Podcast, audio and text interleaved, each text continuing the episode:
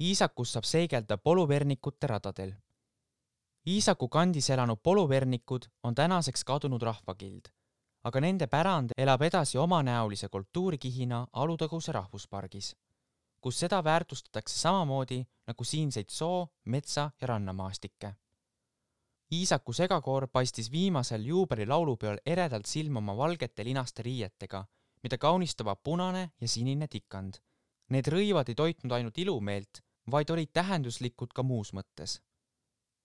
kahe tuhande üheksateistkümnendal aastal sai laulupidude traditsioon saja viiekümne aastaseks ja Iisaku koor tuli kokku esimeseks üldlaulupeoks. sillaks esimese ja viimase laulupeo vahel kujundasid just rõivad, mis olid samasugused, poluvernikute omad. esimesed asukad.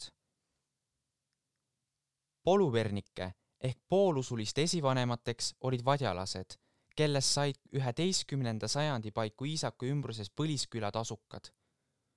aja jooksul seguneti Narva jõe ääres venelastega ja Alutaguse südames eestlastega.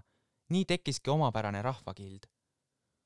poluvernikute radadel rändamiseks tasub teha peatus Iisaku lähedal Jõugal.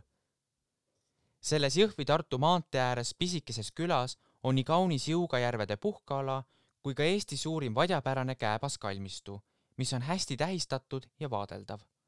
kalmistu koosneb ligi kahesaja kuuekümnest kääpast, millest ligemale pooled on arheoloogiliselt läbi uuritud.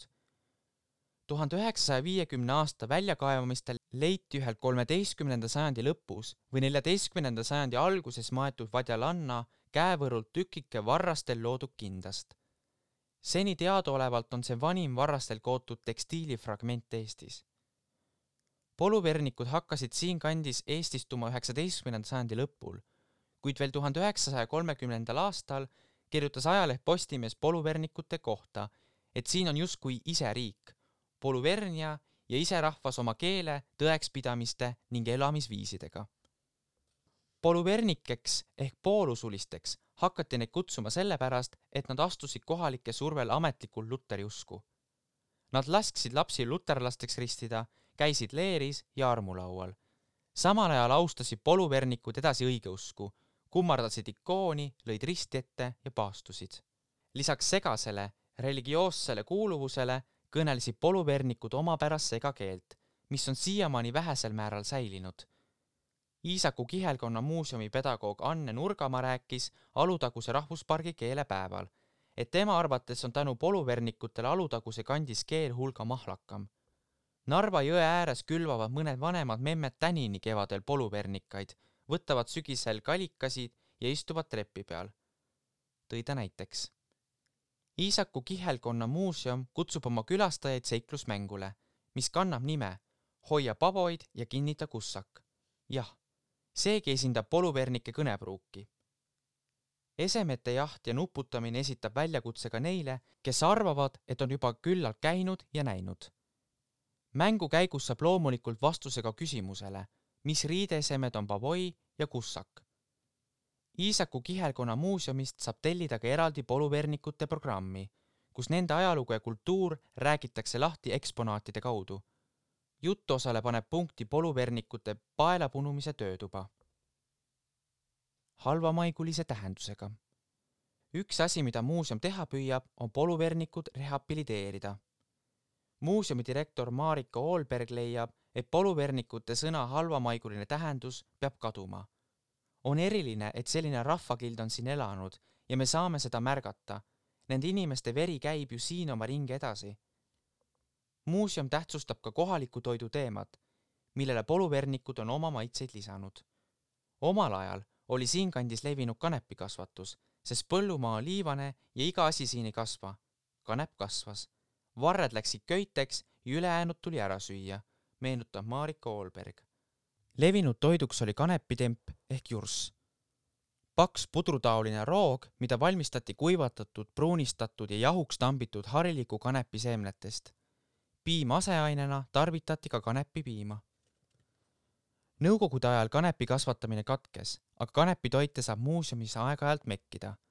kuidas kanepipiima teha? selles pole midagi keerulist selgus Iisaku pärimuskultuuri päeval. paned kooritud kanepiseemed likku vähese veega, siis mikserdab puruks ning lased läbi sõela. seejärel lisad vett, üks osa seemneid ja neli vett. arvatakse, et kuna kanepipiim on valge, ju siis on lehmapiima lisatud, aga ei ole, ainult seemned ja vesi, kinnitab Anne Nurgamaa. samamoodi on kadunud kohalik igapäevamenüüst poluvernikute lõunaleib, mis oli nagu mitmekäiguline eine nii leiva kui prae eest poluvernikud panid leivataegna sisse kartulit, sibulat, putru, kui oli, siis ka praetud lihatükke. kui lõikasid paksu viilu, siis see oligi sinu lõuna ja ei pidanud kiirel heina ajal koju toidu järele minema, räägib Marika Olberg. Eesti südamlikum lugu. kui loo alguse ehk Iisaku segakoor ja poluvernikud eriliste rahvariiete juurde tagasi tulla, siis on huvitav fakt, et mõlemad viis suure rahva ette Iisaku Köster tuntud helilooja Robert Theodor Hansen. sellega, aga mitte ainult, on ta jätnud sügava jälje Alutaguse kultuurilukku. kogu Eesti kultuurilukku on Hansen läinud Eesti südamlikuma laulu autorina.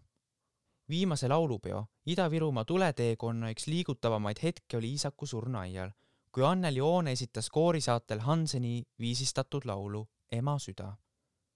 Oli sümboolne et laul kõlas Hanseni kalmul ja tema enda loodud koori esituses. Sirle Sommer Kalda, ajalehe Põhjarannik, ajakirjanik